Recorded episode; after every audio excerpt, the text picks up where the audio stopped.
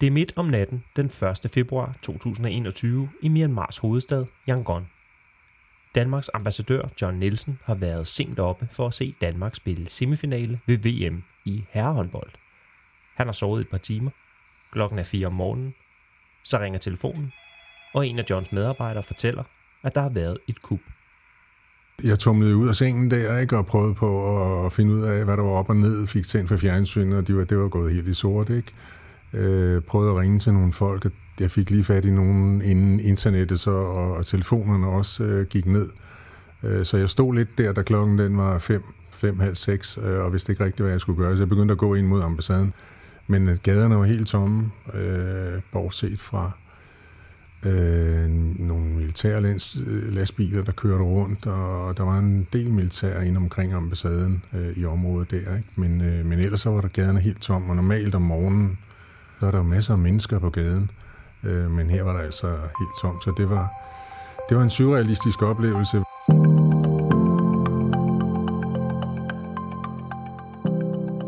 I dag, den 1. februar, er det præcis et år siden, at Myanmars militær gennemførte et kup og tog magten i landet. Dermed endte små 10 års demokratisk styre under ledelse af det tidligere frihedsikon og vinder af Nobels fredspris, Aung San Suu Kyi. Militæret havde tydeligvis regnet med, at magtovertagelsen ville blive hurtig og ukompliceret.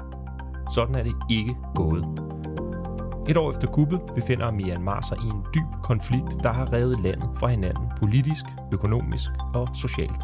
Lokale borgerkrige har udviklet sig over store dele af Myanmar, og millioner af burmesere er på vej tilbage i absolut fattigdom.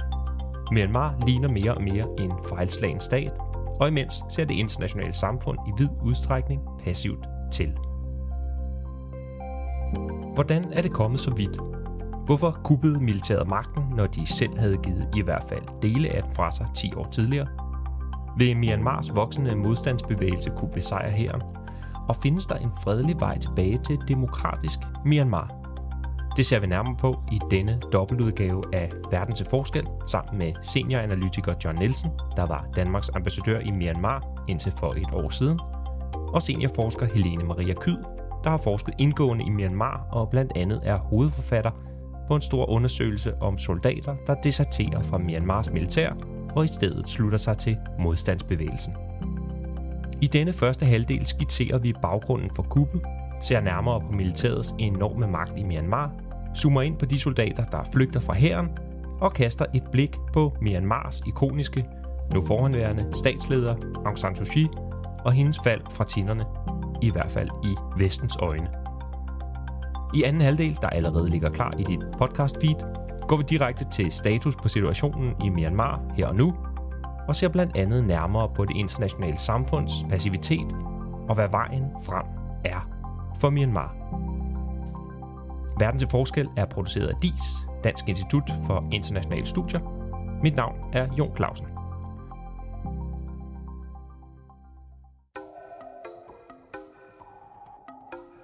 Militæret har siddet tungt på magten i Myanmar siden det første kup i 1962, og selv under de sidste 10 års mere eller mindre demokratiske styre opgav militæret aldrig for alvor kontrollen.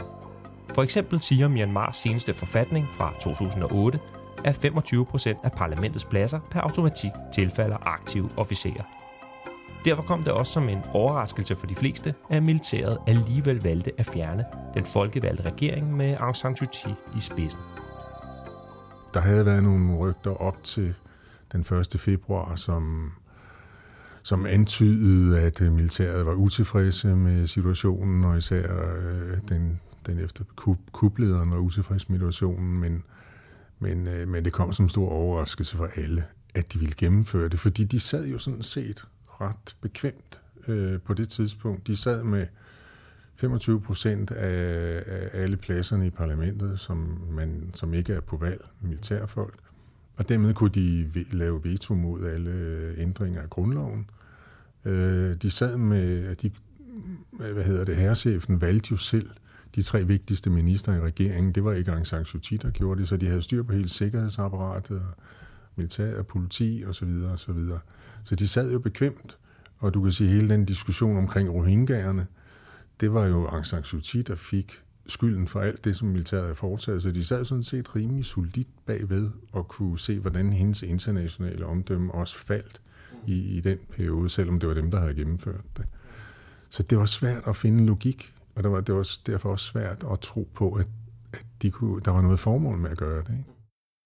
Militærets officielle begrundelse for kuppet er, at der var svindel ved valget i november 2020, hvor Aung San Suu Kyis parti NLD for tredje gang i streg vandt en jordskredssejr med op imod 80% af stemmerne. Men de internationale observatører berettede ikke om nogen nævneværdige uregelmæssigheder ved valget. Så spørgsmålet er, hvad den mere reelle begrundelse er. Helt klart, at det har været en ydmygelse af militæret, at de har tabt. De tabte et valg til, og de tabte så stort, deres parti USDP blev net, nærmest slettet fra jordens overflade. Altså de, de tabte i de regioner, som de betragter som deres bastioner, også de steder, hvor der faktisk var militærkaserner, øh, hvilket var interessant, ikke? Op omkring Mandalay, hvor, hvor der er nogle store områder med militære kaserner med deres familier og så videre, hvor de normalt jo altid øh, har vundet, der tabte de også, ikke? Så de tabte altså ind i deres heartland. Øh, og det vil sige, der var også en, der må være nogen for, en del fra militæret, i hvert fald deres familier, der har stemt på, på Aung San Suu Kyi og NLD. Ikke? Så det har været en ydmygelse for dem, at de tabte. Ikke? Det andet er, at, øh, at herrechefen jo hele tiden havde, skulle, han skulle træde af et halvt år efter, og øh, på grund af alder. Øh, og han har hele tiden haft en ambition om at blive præsident. Øh, det kunne han jo så ikke blive med det valgresultat, der kom. Øh, så, øh, så det er helt klart, at det har også spillet ind, øh, at han kunne ligesom se sin politiske karriere ligge i ruiner. Det tredje har at gøre med, at, øh, at der har været et anstrengt forhold mellem Aung San Suu Kyi og ham. I hvert fald de sidste mange år, tre-fire år, ikke?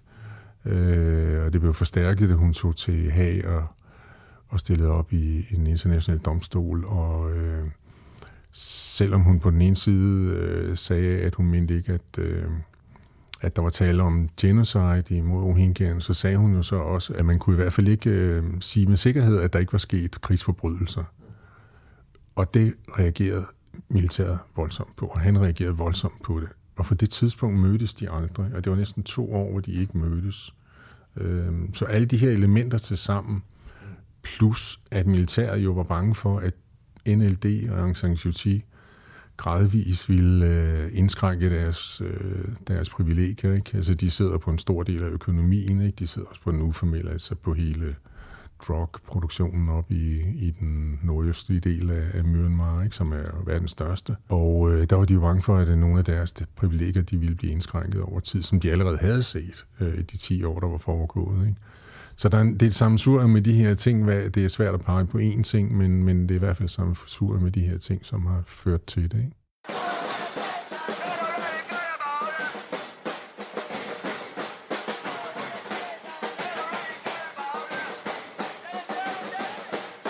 Protesterne starter to-tre dage efter kuppet, ikke? Øh, og det er jo lidt en besynderlig oplevelse øh, at være der og opleve de her demonstrationer, som blev sat i gang, fordi at Myanmar havde været i en ekstrem hård lockdown på grund af covid indtil det her tidspunkt.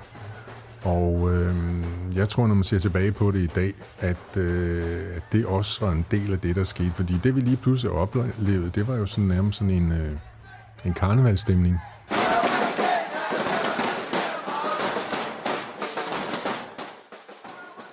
Som, som var enormt kreativ med især unge mennesker, ikke?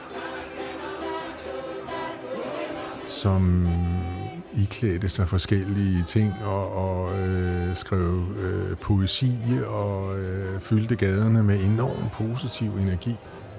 Øh, og indimellem tænkte man, er det her, hvad, hvad er det, en protest mod militærdiktatur, eller er det lidt, sådan lidt karneval, eller hvad er det, der sker, ikke?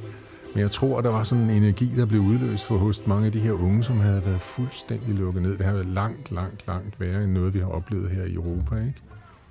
Så de første tre uger var jo sådan en st- meget positiv stemning og energi. Øh, og da der så var gået en to-tre uger, øh, jeg kan huske en søndag aften, så lige pludselig så, så begynder det meget tæt på, hvor jeg bor, at komme kom simpelthen øh, om flere hundrede lastbiler med militærfolk ind i byen. Og så var jeg jo godt klar over, at nu, nu var det ved at være slut med, med, med, med den der mere positive stemning. Og det gik jo så kun nogle få dage, så begyndte vi jo at have skarpskytter på, på tagene af hotellerne og, og bygningerne, ikke? Øh, som jo henrettede folk øh, på, på åben gade. Ikke? Øh, så der gik en tre uger, ikke? så ændrede situationen sig, og så gik vi så over i en, øh, nogle meget voldsomme konfrontationer mellem demonstranterne og, og militæret, øh, som man så kan sige, når vi kom, da vi kom hen i april måned, så gik det lidt i opløsning igen, så blev det mindre demonstrationer, men på det tidspunkt, der var jo rigtig mange af de unge, som var taget op i bjergene, som var taget op i de her, som de kalder befriede områder, ikke? der hvor de etnisk væbnede grupper har kon- kontrolleret, hvor militæret ikke kan. Mange steder kan de ikke komme ind, og ikke har kunne komme ind igennem, mange, i, igennem årtier. Ikke? Og de tog jo derop og fik våbentræning og og så efterfølgende vendt tilbage til byerne, ikke? og har lavet gennemført guerillaangreb øh, ind, i, ind i byerne. Ikke? John, øh, Myanmars befolkning nåede jo kun at få øh, 10 år med en form for demokrati og en større grad af, af åbenhed før, øh, før militærets kup. Oplever du, at demokratiet og, og det mere åbne Myanmar har nået at sætte sig i befolkningen? Ja, det tror jeg. Jeg tror jeg helt sikkert, det har. ikke. Og jeg tror også, at altså, de her 10 år faldt jo sammen med også, at, øh, at man fik øh, åbnet op for, på sociale medier i, i Myanmar. Ikke? Øh, før øh, 2013, jeg kan ikke huske procenttallet helt præcist, men, men det var jo maks 10 procent af befolkningen, der havde adgang til sociale medier.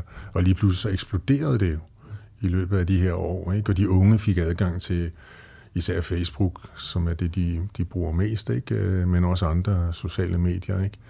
Så de fik en, de fik øh, ved, kunne ved selvsyn se, hvad, hvad, hvordan verden så ud uden for Myanmar. Man skal jo tænke på, at man kom fra et land, som havde været lukket ned i 50 år øh, under militær diktatur. Ikke?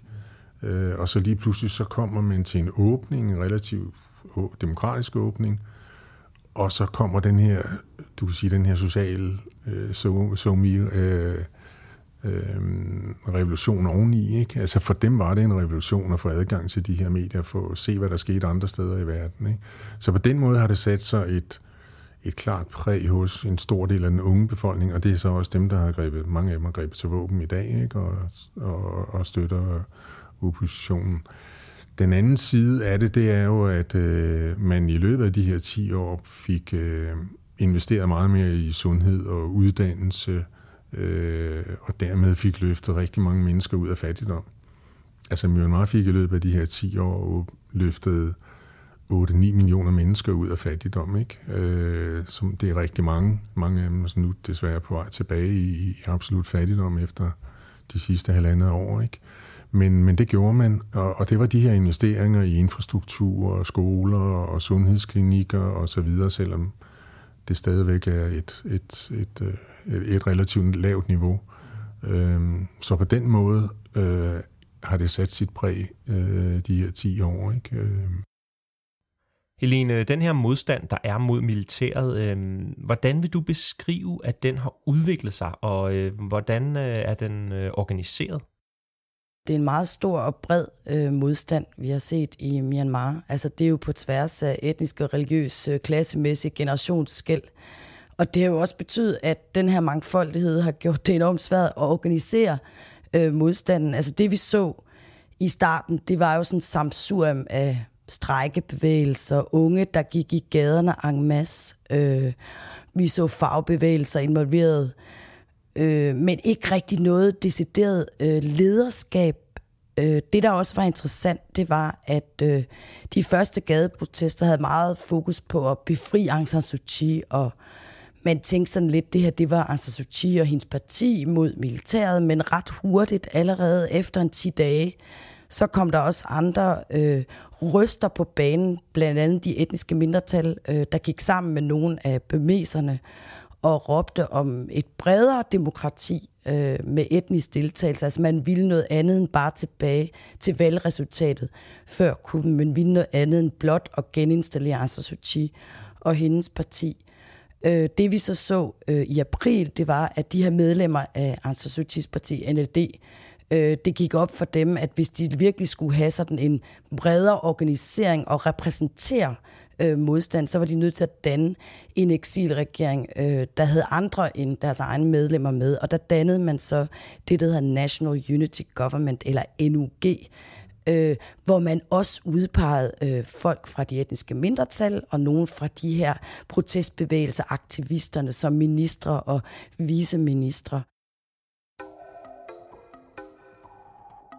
En del af den folkelige modstand mod militæret kommer til udtryk i bevægelsen CDM, der står for Civil Disobedience Movement, altså ulydighedsbevægelsen.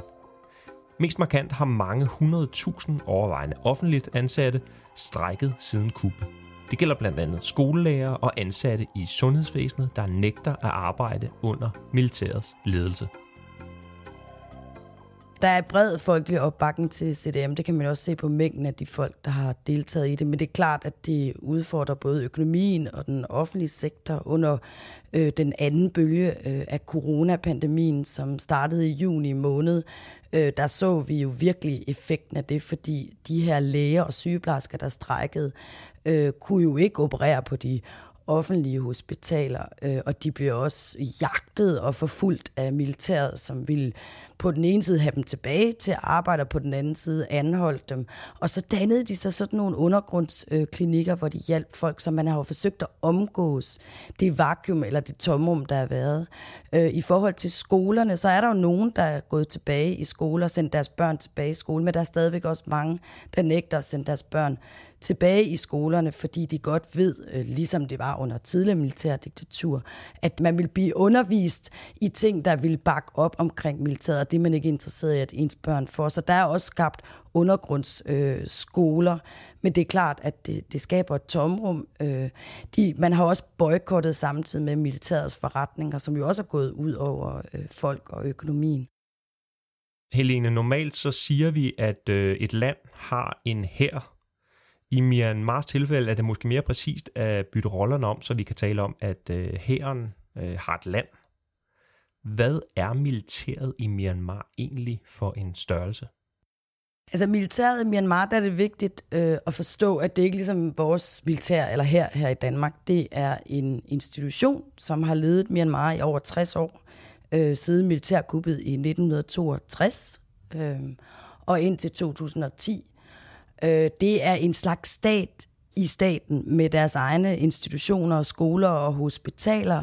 Øh, det er en institution, der er dybt infiltreret i økonomien. Øh, de har deres egne store øh, øh, forretninger øh, og deres conglomerate, som det hedder øh, øh på engelsk, altså som forsikringsselskaber, og, og de sidder i stor stil også på, på Myanmars øh, økonomi.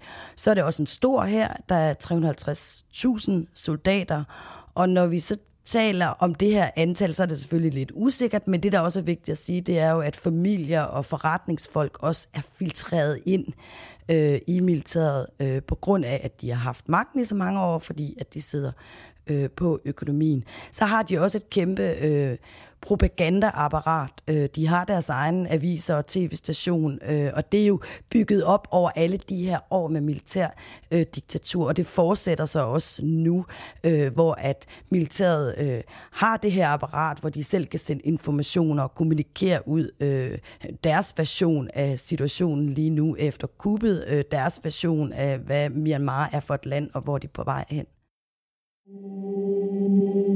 there, there would be punishment or death penalty. On 28 February, or I defeated and joined the people. Louis Tuta er tidligere kaptajn i Myanmars militær, men deserteret i februar 2020 og tilsluttede sig modstandsbevægelsen. Det er han ikke alene om. Siden kuppet har et stigende antal soldater vendt militæret ryggen. Altså indtil videre, der er der 2.500 soldater, så vidt vi ved, der ikke bare er afhoppet, men gået helt bevidst over på modstandssiden. Altså de er også blevet CDM'er, de er med i den her civile ulydighedsbevægelse, og de har organiseret sig. Øh, og det de siger, øh, dem der er med i den her deciderede modstand Øh, de siger, at de vil ikke acceptere den vold, der har været mod civile, de her brutale overgreb, ikke bare drab, men tortureringer og så videre mod befolkningen. De er også, mange af dem er også politisk imod militærkup. De øh, var faktisk tilfredse med den åbning, man har set de seneste 10 år, den her gradvise demokratiske åbning øhm, åbning til omverdenen. Der er også nogen, der siger, at øh, i hvert fald for lavt rangerende soldater, der er der utrolig kumre øh, vilkår inde i militæret. Altså man bor i de her barakker og, og, og militære lejre, hvor man ikke har fri bevægelighed, hvor ens løn delvis bliver frataget og sat ind i de her militære firmaer. Det, de siger, det er opsparing til deres pension, men de er fanget ind i de her system. Deres familier bliver også øh, udnyttet. Så der er også nogle strukturelle ting, øh, som de kritiserer nu. Men det er volden, øh, altså de moralske øh, forkvabelser i forhold til den vold, der har været mod civile og folk, som soldaterne måske også selv kender, øh, der er blevet overgrebet, som har trigget, øh, at de ikke bare afhoppet, men gået over øh, på den side, der kæmper mod øh, militæret. Nogle af dem er også gået med i den her væbnede modstand. Andre øh, opererer mere online og, og øh, i de her grupperinger i, i nogle af grænseområderne, hvor de har søgt tilflugt. Nu er der omkring 2.500, der er afhoppet, og øhm, modstandsbevægelsen gør meget for at fremhæve dem som rollemodeller og hylde dem på sociale medier. Øh, nogle af afhopperne vurderer selv, at op imod 90% af de lavere rangerede soldater i øh, militæret har lyst til at flygte. Hvordan kan det være, at der så alligevel ikke er flere, der vælger at afhoppe?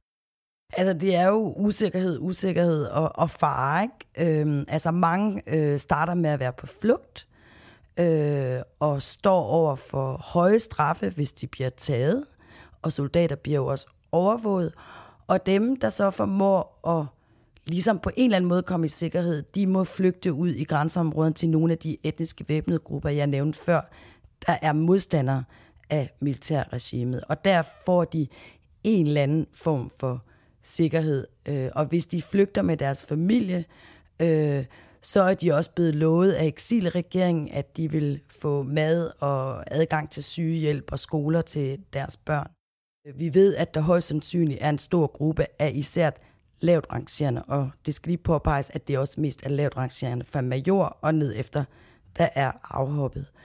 Øh, men især dem, der har familier og børn, og der bor med deres familier i barakkerne, det gør man øh, meget ofte som soldat i Myanmar, fordi hele ens liv ligesom er inden for herren. Der er det meget, meget svært øh, at flygte min, sin familie, både fordi, at der er meget usikkerhed forbundet med det, men også fordi, hvordan skal man overleve? Øh, har man penge til at flygte ud i de her grænseområder? Så der er nogle praktiske, nogle mere umiddelbare, kan man sige, forhindringer i forhold til øh, at desertere. I dag, nu her, måneder efter vi startede vores forskning, der er der også mange af dem, der er bange for, hvordan de bliver modtaget, fordi nu er de jo blevet i her endnu længere tid. Hvordan vil folk se på dem, fordi de har jo deltaget i de her voldelige overgreb, måske endda selv stået på frontlinjen, hvordan vil de blive modtaget? Så der er også nogle bekymringer omkring det.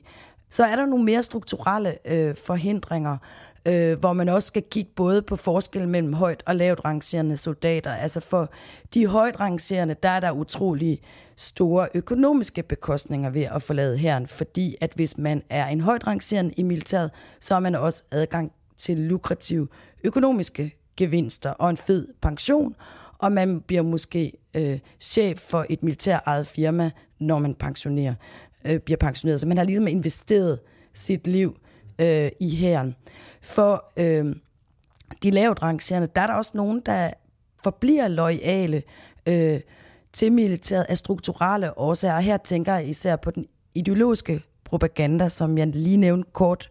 Militæret har jo en kæmpe kontrol over de informationsflows og kommunikation, der er adgang til information, som soldater har. Og de har jo i årvis, årtier, øh, bygget et propagandaapparat op omkring, at det er herren, der beskytter befolkningen, nationen, sikrer nationens sammenhængskraft, men også beskytter religionen, buddhismen, og de fleste soldater i herren er buddhister øh, og de er blevet fodret med den her kampagne lige siden de startede øh, med at blive trænet. Og det er der altså folk inde i her, der også dybt tror på. Det er klart, at det er en udfordring for et militær, hvis soldaterne vælger at afhoppe, altså flygte fra hæren. Ved vi, om deserteringerne er noget, der bekymrer militærtoppen?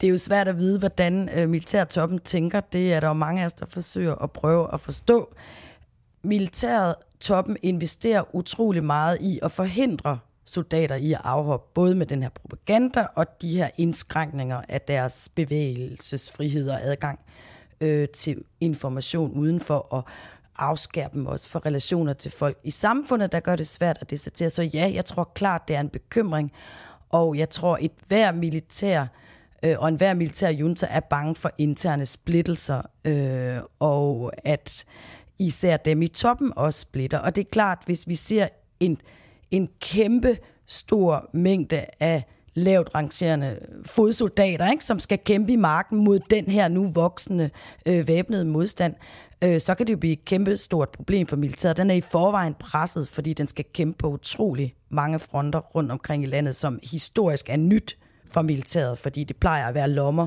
rundt omkring, der skifter rundt.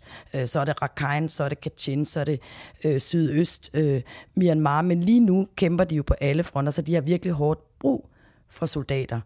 Øhm, men samtidig så ser vi ikke rigtig nogen tegn på splittelser i toppen af militæret. Og det er det, jeg vil vurdere ud fra den undersøgelse, vi også har lavet, at hvis vi virkelig skal se deserteringer og afhopninger have en effekt på situationen, altså få militæret til at ændre kurs, trække sig tilbage, øh, for at få militærchefen væltet, så kræver det, at nogen af de højt rangerende generaler også splitter eller går imod toppen, og det ser vi altså ikke nu. Og det skyldes øh, nok, at de har for mange aktier i deres liv øh, i hæren. Det skyldes måske også, at de selv betvivler, hvad, der, hvad vil der ske med dem i fremtiden. Øh, og derfor argumenterer vi også i den forskning, vi har lavet, at det er utrolig vigtigt, at modstanden, den her eksilregering og dem, der bakker op om National Unity Government, at de også begynder at tale mere eksplicit om, hvad er det for en fremtid, afhopper for, hvad er det for en fremtid, øh, lavt og højt rangerende vil få, og det kunne måske motivere flere til at splitte fra herren, fordi det, i hvert fald for det højt rangerende, er det for lukrativt at blive i herren rent økonomisk. Det er også enormt svært at splitte, når ens historie og relationer er fedtet ind øh, i militært strukturelt øh, også. Men ja, hvis der er højt rangering deserterer, og de tager bataljoner øh, med dem, så kan det virkelig komme til at presse øh, her på slagmarken. I think uh, what we think we've done best, or rather what I think we've done best, is to take forward the peace movement, the peace process. I absolut centrum af Myanmars nyere historie står den 76-årige og nu igen fængslede Aung San Suu Kyi. Hun er datter af Aung San, manden, der sikrede Myanmars uafhængighed fra britterne efter 2. verdenskrig, og derfor regnes som faderen til det moderne Myanmar. Hun er uddannet på Oxford og taler et meget formfuldendt engelsk. Hun sad i husarrest i 15 år for sin politiske aktivisme i Myanmar og blev et frihedsikon også i Vesten, Blandt andet modtog hun Nobels fredspris i 1991. Efter hendes parti vandt det første demokratiske valg i 2012, og hun dermed fik magten i landet, stod vestlige statsledere i kø for at bakke op om hende. And I am very pleased that one of my first stops is to visit with an icon of democracy who's inspired so many people, not just uh, in this country, but all around the world. Men efter at Myanmars militær i 2017 indledte, hvad flere har beskrevet som et folkemord på landets muslimske befolkning, rohingyaerne, blev Aung San Suu Kyi voldsomt fordømt overalt i verden for ikke at gøre mere for at bremse forfølgelsen af rohingyaerne og for ikke at skride hårdere ind over for militæret. John, øh, har vi i Vesten været naive, når det kom til øh, Aung San Suu Kyi? Eller har vi ikke forstået, hvad det var for en øh, situation, hun øh, politisk øh, befandt sig i? Altså, jeg synes jo helt klart, at vi har overvurderet den, øh, den, det rum, hun havde til at udfolde sit virke i, da hun kom tilbage. Ikke? Øh, fordi, som jeg sagde også nævnt tidligere, ikke, at, øh, at militæret havde lavet en grundlov, som sikrede dem total politisk indflydelse, hvis de ønskede det. Øh, så på den måde mener jeg, at vi har, vi har overvurderet den magt, hun havde. Men, men, men problemet er, at, at jeg tror, vi, vi så noget i hende, som vi gerne ville se. Vi så øh, i Sydøstasien for første gang en leder, som havde nogle af de værdier, som vi gerne så noget mere af i Sydøstasien. Og, og der gjorde vi os ikke umage nok øh, med at, ligesom at prøve at sætte os ind i, hvad var, hvad var hun for en person? Ikke? Hele hendes baggrund. Godt nok har hun været i Vesten i mange år, og, og, og godt nok har hun også sagt mange ting omkring demokrati og sådan noget. Hun har lagt nogle andre ting i det, ikke? men vi har troet, hun havde en anden ledelsestil end, end, end andre i Sydøstasien. Det har hun ikke haft. Hun er, hun er øh, autoritær. Øh, hun, bestemmer alt, hun vil bestemme alting. Hun accepterer ikke, at man kommer udefra og giver hende formening om, hvordan at øh, Myanmar skal køre. Så det er der jo rigtig mange politikere, der har fået ind over næsen for, ikke? Øh, fordi at øh, det vil hun simpelthen ikke høre på. Øh, og så er hun meget stolt, stedig, og hun er temperamentsfuld. Ikke? Så alle de her ting til sammen øh, tegner et billede af en lidt anden person, end den vi måske, øh, vi måske har, har, har bildet os ind, at vi selv så. Ikke?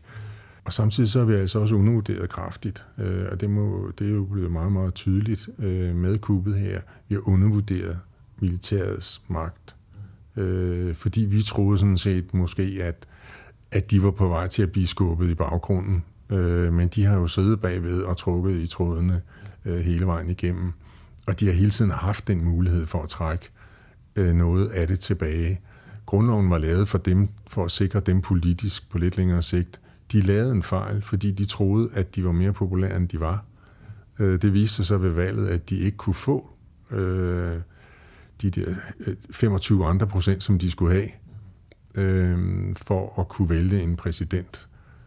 Og det er så det, de er ved at lave om på nu. Nu samtidig med, at Aung San Suu Kyi jo kommer til at sidde formodentlig i fængsel. Øh, I hvert fald indtil der er gennemført et valg, og måske forever. Øhm, og hendes parti er ved at gå i opløsning, eller man er ved at, øh, man har fængslet så mange fra det, at det, det reelt ikke er noget tilbage.